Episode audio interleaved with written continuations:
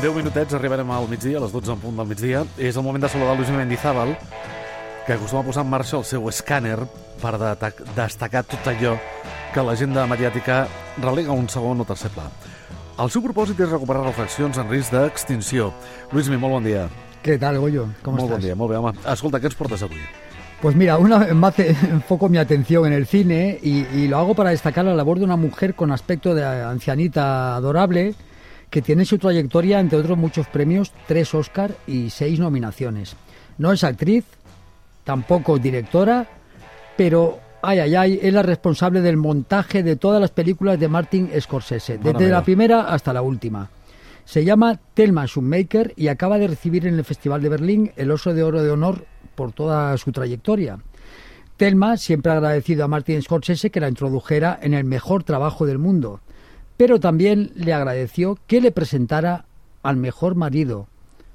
Hay que decir que Scorsese era un admirador de Michael Powell, autor que junto con Emery Pressburger eh, dirigió películas tan emblemáticas como Las zapatillas rojas, Los cuentos de Hoffman o Vida y muerte de Coronel Blimp. Eh, él acabaría casándose con Thelma. Cuando todavía no sabía ni que existía Michael Powell, Thelma quedó subyugada por una de sus películas. Dice, hasta los 15 años estuve viviendo en el extranjero, en la isla de Aruba, en el Caribe. Recuerdo que no empecé a ver la televisión hasta muy tarde. Y recuerdo también que una de las primeras películas que vi fue Vida y muerte del coronel Blimp. No sé explicar muy bien por qué, pero se quedó grabada en mi mente. Lógicamente no tenía ni idea de que conocería a su director y que me casaría con él. Aquí abrimos un capítulo interesante en cualquier trayectoria vital que son las casualidades, ¿no?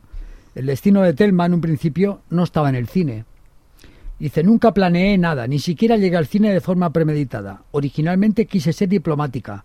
Estudié ciencias políticas y lengua rusa. Pasé los primeros exámenes hasta llegar a la entrevista donde me vi con un agente del FBI, otro de la CIA y un tercero del Departamento de Estado. Me preguntaron que si estuviera en Sudáfrica y alguien me preguntara sobre el apartheid, ¿qué respondería? Y fui sincera. Dije que la única respuesta posible es que es terrible y que hay que acabar con él. Ahí condené mi incipiente carrera. Me dejaron claro que como diplomática las únicas opiniones que valen són les de tu país. Sí, o al no, menos... però sigui com sigui, aquesta dona, ostres, anava molt preparada, eh? Sí, sí, sí, sí, sí, una persona preparada y mira, empezó con Scorsese, que su relación ha sido siempre modélica. Ella opina que la cumbre de su trabajo en común con el gran director es la película Toro Salvaje, precisamente la única que provocó una discusión entre los dos. Una pequeña discusión, ¿no? Dice, Marci es una persona que vive literalmente dentro del cine y cuando planea una película lo hace desde la idea original hasta el detalle más extremo del montaje. Toda la película está en su cabeza. Solo recuerdo un momento de discusión. El plano final de Toro Salvaje, cuando De Niro, ya mayor, mm, está allí en su camerino y se enfrenta a sí mismo en el espejo. Se hicieron hasta 15 tomas de ese momento, algo muy inusual. Teníamos muchas dudas. Yo era partidaria de un final más cálido, más suave. Él lo prefería muy frío. Discutimos y llegamos a montar los dos finales que proyectamos a varios amigos. Pues bien, tengo que reconocer que él tenía razón. Telma explica que cuando acaba una película se sienta con Scorsese y la ven hasta 12 veces seguidas. Quiero destacar que el montaje es una de las partes fundamentales en la creación de una película y que ordenar y dar sentido a kilómetros de celuloide rodado es una tarea titánica, ¿no? Eh, ella habla así de, esta, de, de, de este momento y de, de, la cuestión del montaje. Dice, me fascina el momento de Coronel Blim en el, que la, el, en el que en la despedida ella se da cuenta de que él está enamorado. Es transparente, sutil. El mejor montaje siempre es el más sencillo, el que no se ve. És que és, és molt important perquè les pel·lícules no es filmen tal com nosaltres les veiem. Exactamente. Eh, es, es, es sí. filmen absolutament desordenades. No todas se filman cronológicamente. No, no, Eh, sí, ya- seria, seria impossible, fins i tot. Y por ejemplo, Toro Salvaje no se pudo rodar cronológicamente porque De Niro aparece de mayor y con 30 kilos de más. Y en esas escenas están rodadas todas juntas. Sí, sí, clar. Y en las escenas en las que está de joven, de boxeador, eh, pues está delgado y, y con un aspecto, claro, mucho más joven. ¿no? Clar. I tot això després ha de, ha de passar per muntatge i ahí és de, donde està el alma del montador o de la montadora. Exactamente. Venimos de una disciplina, el montaje, que requiere una minuciosa observación, pero es una cualidad que también se puede extrapolar a disciplinas como el póker.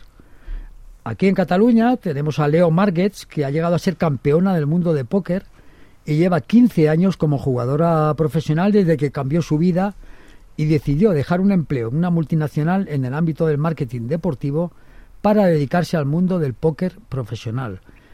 Claro, le preguntan cómo tomó su familia mm, este cambio, ¿no? El dejar un empleo seguro que tenía una multinacional para dedicarse profesionalmente a una cosa como, como el póker, ¿no? Y dice, al principio mis padres no lo celebraban tanto, porque yo tenía un curro estable en una multinacional, en un buen puesto de marketing deportivo. Las personas que te quieren siempre intentan recomendarte la opción más segura, yo creo que erróneamente. No aceptar cambios a veces es muchísimo más arriesgado. Eso también te lo enseña el póker. Una escuela de vida, ¿eh? el póker, por lo visto. Sí, clar, però, però eh, no sé, potser l'associem sempre amb, amb, amb la ludopatia, no? Sí. O amb, amb l'aposta de diners, que ja sabem que sempre que apostes diners, o gairebé sempre que apostes diners, doncs eh, no sempre acabes guanyant. Vaja, majoritàriament acabes perdent. Pero va molt, molt més més enllà, ¿no? Totalment, sí. Es más importante lo que sabe ahora que la energía y la ilusión de la juventud le plantean. Yo tengo algo muy bueno, con la presión me crezco. Curro mucho, pero he jugado en mesas en las que no soy la mejor técnicamente, porque si yo estudio tres horas al día, ellos estudian seis. Pero al final el póker es mucho más. Hay una parte técnica y hay otra de flow, de la mesa, de ser consciente de cómo te perciben los demás. Eso es lo más importante. En una mesa, en un torneo, en casi todo, ser consciente de cómo te perciben los demás es casi lo más importante. Es, ya te lo decía, es que es una escuela de vida y permite extraer conclusiones que te sirven Clar, para clar, però, cualquier a ámbito. però a veure, a veure, hi ha unes cartes, cinc cartes, que et venen eh, repartides a l'atzar, que pots descartar unes Mm. cartes que te les jugues en el, al moment de descartar perquè o potser no, no et servien per res O que pots enganyar al teu rival. o que pots fer-ho per, per enganyar potser tenies una jugada molt bona Mm. però ho fas per enganyar clar, és el, el conegut com a farol no? ir de farol Exacto. Uf, Es- clar, sin ir va, más lejos, va de les sin ir más eh? lejos, a mí no, no se me ocurre pensar, digo, bueno, si ella dedica tres horas diarias ¿A a, estudiar estudiar, qué? está estudiando sí, sí, és això en el póker? Psicología, eh, no sé, no sé. En fin, el póker profesional es un mundo en el que todavía hay una gran mayoría de hombres. Y le preguntan por qué hay tan pocas mujeres en este ámbito. Dice, la industria ha puesto todo por su parte para atraer a esa mitad de la población. La única barrera es que a las mujeres les gusta menos el póker que los hombres. Es cierto que algunas chicas pueden sentir que el ambiente es un poco hostil, pero también le puede pasar a cualquier persona que se inicia, porque en la mesa debes saber resistir la presión y aplicarla tú. Es una característica fundamental del póker. El riesgo también es algo que de forma más innata atrae más a los hombres, lo que no quita que haya mujeres a las que no, a las que se nos da muy bien. A mí me preocuparía si no hubiera igualdad a la hora de poder acceder a la actividad. Mm. Es, es, es- es curioso, ¿no? Ella, ella lleva 15 años y, y desde luego dice que no lo piensa dejar, que se piensa dedicar a esto eh, hasta cuando su imagen pública eh, no le dé tampoco réditos ¿no? y, y ganancias, porque la publicidad también cuenta en este tipo de, de, de Clar, m'imagino, m'imagino com qualsevol, com a qualsevol disciplina. Ens queden un parell de minutets. Un parel, mira, una cosa muy rápida. Quiero destacar un, un artículo de Sergi Pamies que reflexionaba sobre la cultura de cancelación y Albert Camus. Él habla de que del disentimiento mequetrefe. Dice, es el que analiza el pasado aplicando criterios actuales. Goza de muy buena prensa porque genera la atención enfermiza de la polémica. Eh, claro, todo esto lo dice porque hay un norteamericano que ha sacado una biografía muy crítica con, el pensador francés. Dice, Golac, Gloac, que así se llama el que ha escrito la biografía, presenta a Camus como un caso de servilismo colonial francés, tibio en su posicionamiento sobre Argelia, profeta de un humanismo ostentoso y en el ámbito privado, racista, machista y misógino. Claro, Sergi Pamier dice, Gloac no especifica si Camus tenía litosis o le apestaban los pies. El péndulo que fluctúa entre la mitificación y el linchamiento marca la evolución de la cultura y por extensión de la civilización.